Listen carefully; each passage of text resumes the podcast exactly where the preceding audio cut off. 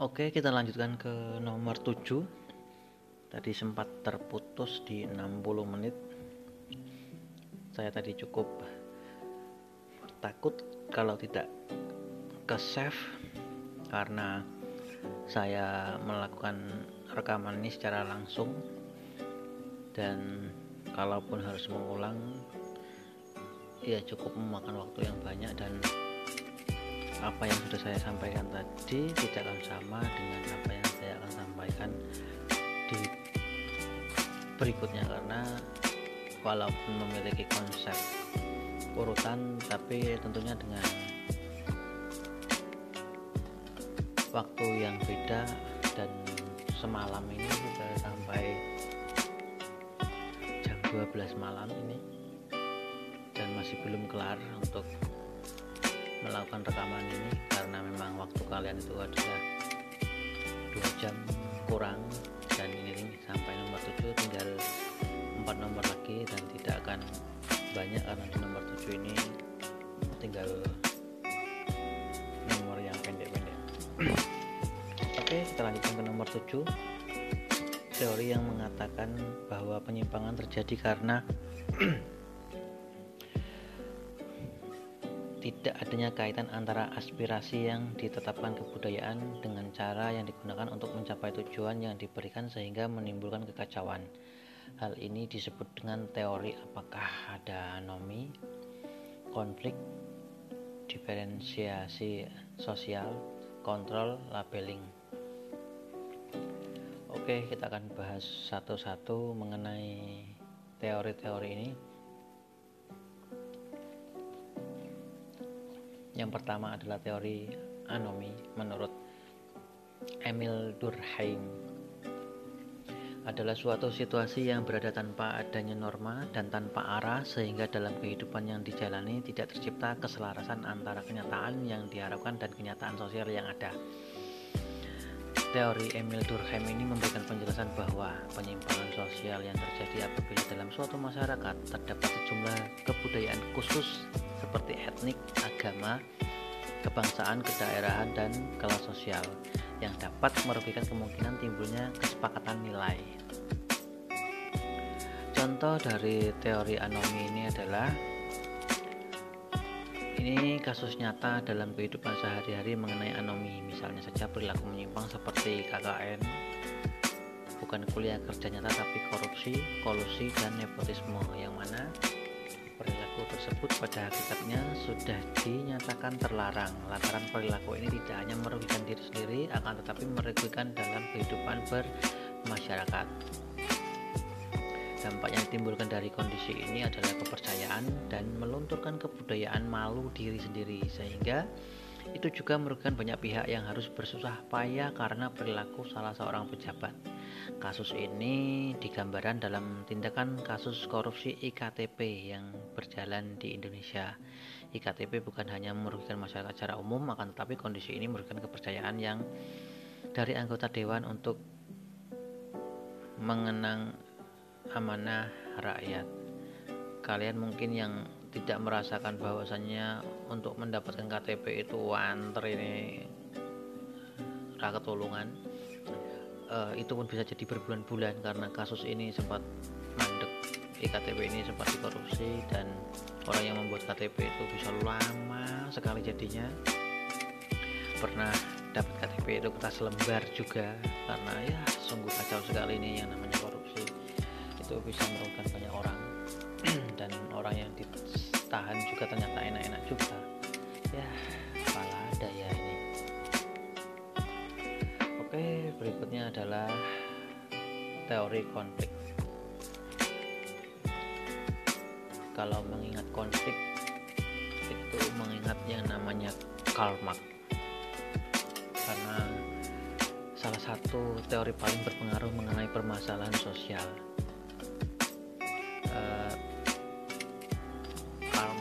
dan latar belakang pemikirannya adalah adanya eksploitasi besar-besaran yang dilakukan oleh para pengusaha atau pemilik modal kaum kapitalis atau kaum borjuis terhadap kaum buruh atau kaum proletar. Para buruh bekerja dengan jam kerja yang ditetapkan oleh para pengusaha dengan seenak hati mereka bukan hanya itu upah yang diberikan pun cukup rendah dan tidak sebanding dengan pekerjaannya nah hal inilah yang menjadikan uh, teori konflik tercipta karena perbedaan kelas sosial dalam masyarakat Menurut Marx, manusia adalah sejarah perjuangan kelas yang mana melahirkan kelompok borjuis dan proletar. Kelompok-kelompok yang menyadari bahwa posisinya berada pada kaum proletar, kala itu mereka dengan sekedar melakukan berbagai macam upaya pemberontakan terhadap kaum borjuis. Konflik antar kelas inilah yang kemudian melahirkan perubahan dalam masyarakat. Menurut Marx pula, suatu saat kaum proletar akan memenangkan perjuangan kelas ini yang kemudian akan melahirkan masyarakat tanpa kelas. Nah, masih dalam perspektif Marx, memandang konflik ia memandang bahwa teori konflik dengan beberapa konsepsi, yakni konsepsi tentang kelas sosial, perubahan sosial, kekuasaan, dan negara-negara di mana konsepsi-konsepsi tersebut saling berkesinambungan satu sama lain. Nah, di teori konflik ini kemudian muncul apa yang dinamakan dengan perspektif konflik perspektif ini melihat masyarakat sebagai sesuatu yang selalu berubah, terutama sebagai akibat dari dinamika pemegang kekuasaan yang terus berusaha menjaga dan meningkatkan posisinya. Singkatnya, pandangan ini berorientasi pada struktur sosial dan lembaga-lembaga sosial di masyarakat. Perspektif ini memandang masyarakat yang terus-menerus berubah-ubah dan masing-masing bagian dalam masyarakat berpotensi untuk menciptakan perubahan sosial. Dalam konteks pemeliharaan tatanan sosial, perspektif ini lebih menekankan pada peran kekuasaan. Itu adalah teori konflik. Yang berikutnya adalah differential association. Diferensiasi asosial. Edwin Sutherland tahun 1947 memperkenalkan teori ini. Menurutnya, perilaku menyimpang merupakan suatu perbuatan yang didapatkan setelah melalui proses belajar. Proses belajar yang dimaksud adalah mempelajari dan memahami norma-norma yang menyimpang dari subkultur. Jadi, penyimpangan perilaku adalah fenomena yang dipelajari oleh seseorang dari orang lain atau kelompok proses belajar norma penyimpangan ini persis dengan proses belajar konformitas atau penyesuaian di mana ada sosialisasi atas nilai-nilai yang disepakati bersama oleh suatu kelompok masyarakat. Namun, yang membedakan adalah jika konformitas adalah proses belajar bagaimana menyesuaikan diri dengan nilai dan norma bersama serta berperilaku terhadap orang lain, sesuai dengan harapan kelompok, maka Penyimpangan justru sebaliknya. Penyimpangan adalah proses belajar bagaimana mempelajari nilai dan norma yang menyimpang. Menurut Sutherland itu penyimpangan konsekuensi dari kemahiran atau penguasaan atas suatu sikap atau tindakan yang dipelajari dari norma-norma yang menyimpang. Contohnya gini, seseorang yang mempelajari perilaku menyimpang berarti mempelajari berbagai hal mengenai perilaku menyimpang tersebut ia akan belajar bagaimana teknik melakukan perilaku menyimpang atau kejahatan. Mereka yang melakukan perilaku menyimpang juga belajar tentang motif melakukan perilaku menyimpang tersebut. Ada alasan-alasan yang dianggap logis yang mendorong si perilaku atau si pelaku untuk melakukan perilaku menyimpang. Ia juga belajar bagaimana cara bersikap sesuai dengan kelompok atau orang yang telah melakukan perilaku menyimpang tersebut. Contoh nih, kalau kalian orang baru dalam sebuah kelompok sosial atau ya anak sekolah yang lagi di ospek atau mos kakak kelasnya jadi ketika kalian sudah berada di dalam sebuah kelompok tersebut tentunya akhirnya kalian akan tertarik untuk berperilaku yang sama. Mempelajari apa yang dilakukan oleh senior kalian ataupun apa yang orang-orang dalam kelompok tersebut lakukan misalnya yo merokok yo apa namanya minum yo dan lain sebagainya agar apa ya terlihat maco di kalangan orang-orang lain atau cewek-cewek yang ada di sekitaran kalian terus terlihat dewasa. Terus selain itu kalian juga akan ikut mempelajari bagaimana teknik-teknik dalam ya merokok itu sendiri. Akhirnya setelah ia mempelajari bagaimana motif dalam kelompoknya seperti merokok ataupun minum-minum tadi. Eh, dan dia juga akan mempelajari bagaimana cara atau teknik menghisap rokok atau meminum uh, minuman itu seperti apa. Terus menyembunyikan rokok ketika sedang uh, di sekolah mungkin seperti itu. Dan agar tidak ketahui agar tidak diketahui oleh guru dan lain sebagainya. Oke itu dia. Uh, teori differential association berikutnya adalah teori kontrol teori kontrol ini berusaha mencari jawaban mengapa orang melakukan kejahatan. Berbeda dengan teori lain, teori kontrol tidak lagi mempertanyakan mengapa orang melakukan kejahatan, tetapi berorientasi kepada pertanyaan mengapa tidak semua orang melanggar hukum atau mengapa orang taat kepada hukum. Ditinjau dari akibatnya, pemunculan teori kontrol disebabkan tiga ragam perkembangan dalam kriminologi. Yang pertama, adanya reaksi terhadap orientasi labeling dan konflik yang kembali menyelidiki tingkah laku kriminal, kriminologi konservatif atau sebagaimana teori ini berpijak. Kurang menyukai kriminologi baru atau new kriminologi dan hendak kembali kepada subjek semula yaitu penjahat atau kriminal. Yang kedua, munculnya studi tentang criminal justice di mana sebagai suatu ilmu baru telah mempengaruhi kriminologi menjadi lebih pragmatis dan berorientasi pada sistem. Yang ketiga, teori kontrol sosial telah dikaitkan dengan suatu teknik penelitian baru khususnya tingkah laku anak atau remaja. Nah, dalam teori ini, teori kontrol ini yang menjadi peran pentingnya itu adalah uh, kelompok kontrol internal dan eksternal atau keluarga maupun masyarakat. Dan manusia diberikan kaidah supaya tidak melakukan pelanggaran. Dan pentingnya proses sosialisasi bahwa ada sosialisasi uh, yang memadai akan mengurangi terjadinya uh, permasalahan. Karena di situlah dilakukan proses pendidikan terhadap seseorang dan diharapkan remaja mentaati sebuah hukum teori kontrol. Yang terakhir adalah teori labeling. Teori ini muncul akibat adanya reaksi masyarakat terhadap perilaku seseorang yang dianggap menyimpang.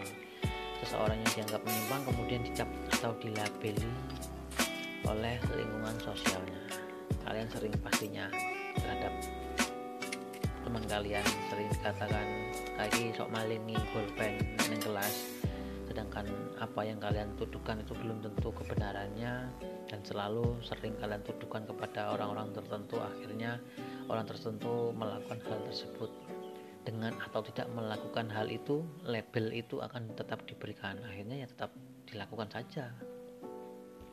Kadang sering ngomong nek teman kalian itu kayak banji kayak kui dan lain sebagainya. Padahal e, tidak tapi pada akhirnya label itu selalu melekat selalu menjadi konsumsi setiap hari ya bayangan itu akan selalu ada untuk melakukan sesuatu yang tidak dibenarkan. Itu adalah teori labeling. Jadi jangan sampai kalian melabeli seseorang uh, yang sebenarnya tidak ia lakukan. Oke untuk nomor 7 itu adalah jawabannya adalah A teori A. Sekarang kita masuk ke nomor 8 Pak Danang dan keluarganya baru saja pindah rumah ke sebuah desa. Sebagai warga baru, Pak Danang berusaha membaur dengan warga lain di desa tersebut. Pak Danang mengikuti perkumpulan rutin bapak-bapak dan juga meronda setiap setiap jam setiap jadwalnya. Serta kerja bakti setiap minggu. Istri Pak Danang mengikuti kegiatan PKK dan arisan ibu-ibu RT kemudian Pak Danang mengikuti kegiatan Karang Taruna. Mereka selalu aktif dalam kegiatan di desanya mereka sadar hidup di desa atau di lingkungan masyarakat harus saling menolong. Proses sosialisasi yang dilakukan oleh keluarga Pak Danang dikategorikan dalam tahap generalized other karena apa itu generalized other itu? Selain generalized other itu masih ada beberapa temannya yaitu disebut dengan tahap-tahap sosialisasi untuk pembentukan kepribadian. Yang pertama itu adalah preparatory stage, terus play stage, game stage, lalu generalized other. Akan kita bahas satu-satu. Yang pertama, preparatory stage atau tahap persiapan adalah tahap awal yang dimulai sejak manusia dilahirkan di muka bumi. Tahap ini merupakan tahap di mana seseorang anak mempersiapkan diri untuk mengenal dunia sosialnya. Kedua, tahap sosialisasi playstick atau tahap meniru di mana tahap anak-anak mulai belajar meniru dan memainkan peran orang-orang yang berada di sekelilingnya. Tahap ini, seseorang anak semakin sempurna dalam menirukan peran-peran yang dilakukan oleh orang dewasa. Terus berikutnya adalah sosialisasi game stick atau tahap siap bertindak adalah tahap anak-anak yang telah mengetahui, memahami, dan menjalankan perannya ketika berinteraksi dengan peran orang lain. Kemampuannya mendapat menempatkan diri pada posisi orang lain maupun meningkatkan sehingga memungkinkan adanya kemampuan bermain secara bersama-sama. Adalah generalized other atau tahap menerima norma kolektif adalah tahap manusia telah menjadi warga masyarakat yang sesungguhnya dalam menjalankan status dan perannya ketika berada dan berinteraksi dengan masyarakat. Pada tahap ini, seseorang telah dianggap dewasa dan sudah dapat menempatkan dirinya pada posisi masyarakat secara luas. Sudah bisa ditemukan jawabannya adalah A. Untuk yang B, mempersiapkan diri untuk mengenal dunia luar. Yang C, menyadari adanya peraturan yang mengatur kehidupan sosialnya. Yang D, melakukan peniruan terhadap perilaku dan tindak orang lain. Yang E, menyadari keberadaan diri dan orang-orang terdekat di sekitarnya. Jawabannya adalah A. Oke, kita masuk ke nomor 9.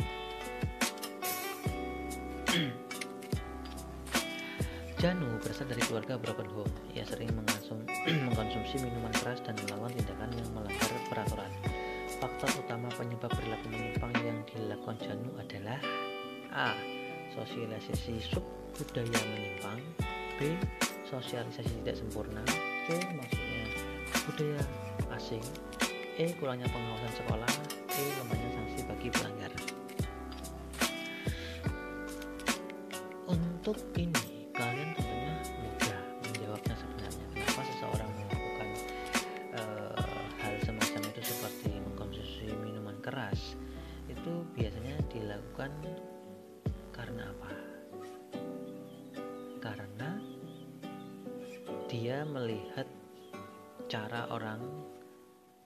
mengkonsumsi tersebut. Nah, dalam melihat cara orang melakukan itu, tentunya dia berada di lingkungan teman sebayanya.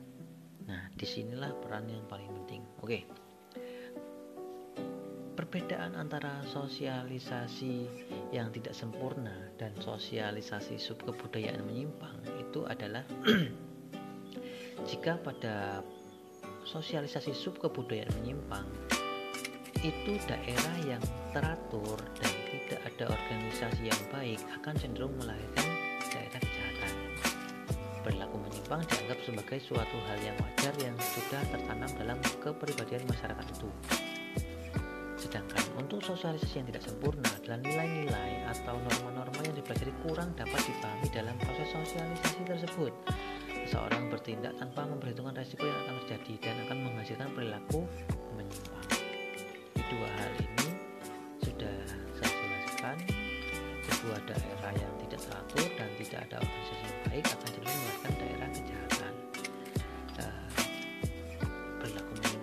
sebagai suatu hal yang wajar di dalamnya sudah tertanam dalam kepribadian masyarakat itu sendiri. Jadi itu konteksnya hmm, sebuah yang sudah tidak tersusun dengan baik dan dianggap sebuah sesuatu yang wajar sesuatu yang wajar jika melakukan suatu perilaku menyimpang sedangkan sosialisasi, sosialisasi tidak sempurna itu terjadi karena uh, bagaimana ia bersosialisasi kepada sesuatu yang kurang baik Terus yang C maksudnya unsur budaya asing yang D kurangnya pengawasan sekolah dan yang E lemahnya sanksi bagi pelanggar. Jawabannya adalah B. dan yang terakhir tawuran pelajar masih menjadi rapor merah bagi dunia pendidikan. Pelajar melakukan tawuran di luar jam sekolah dan masih menggunakan pakaian seragam sekolah.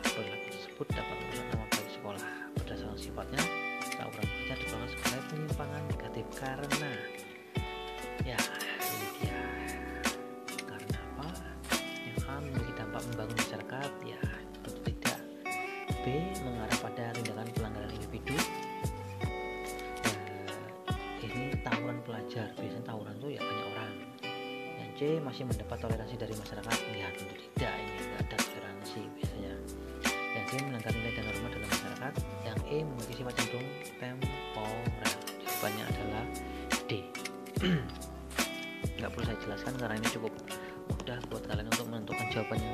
itu seperti apa.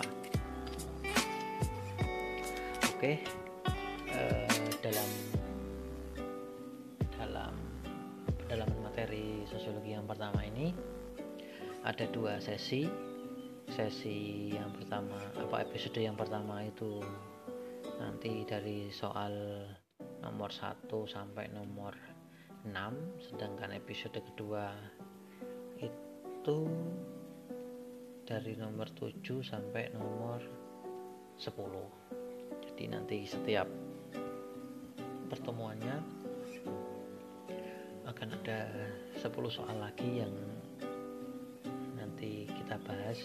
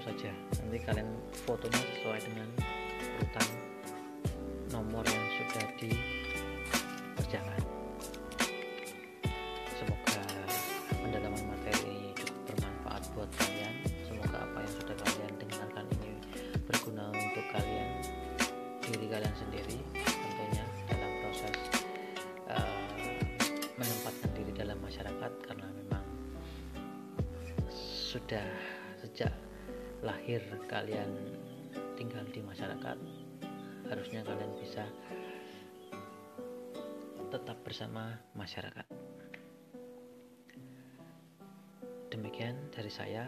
Wabillahi taufiq wal hidayah. Wassalamualaikum warahmatullahi wabarakatuh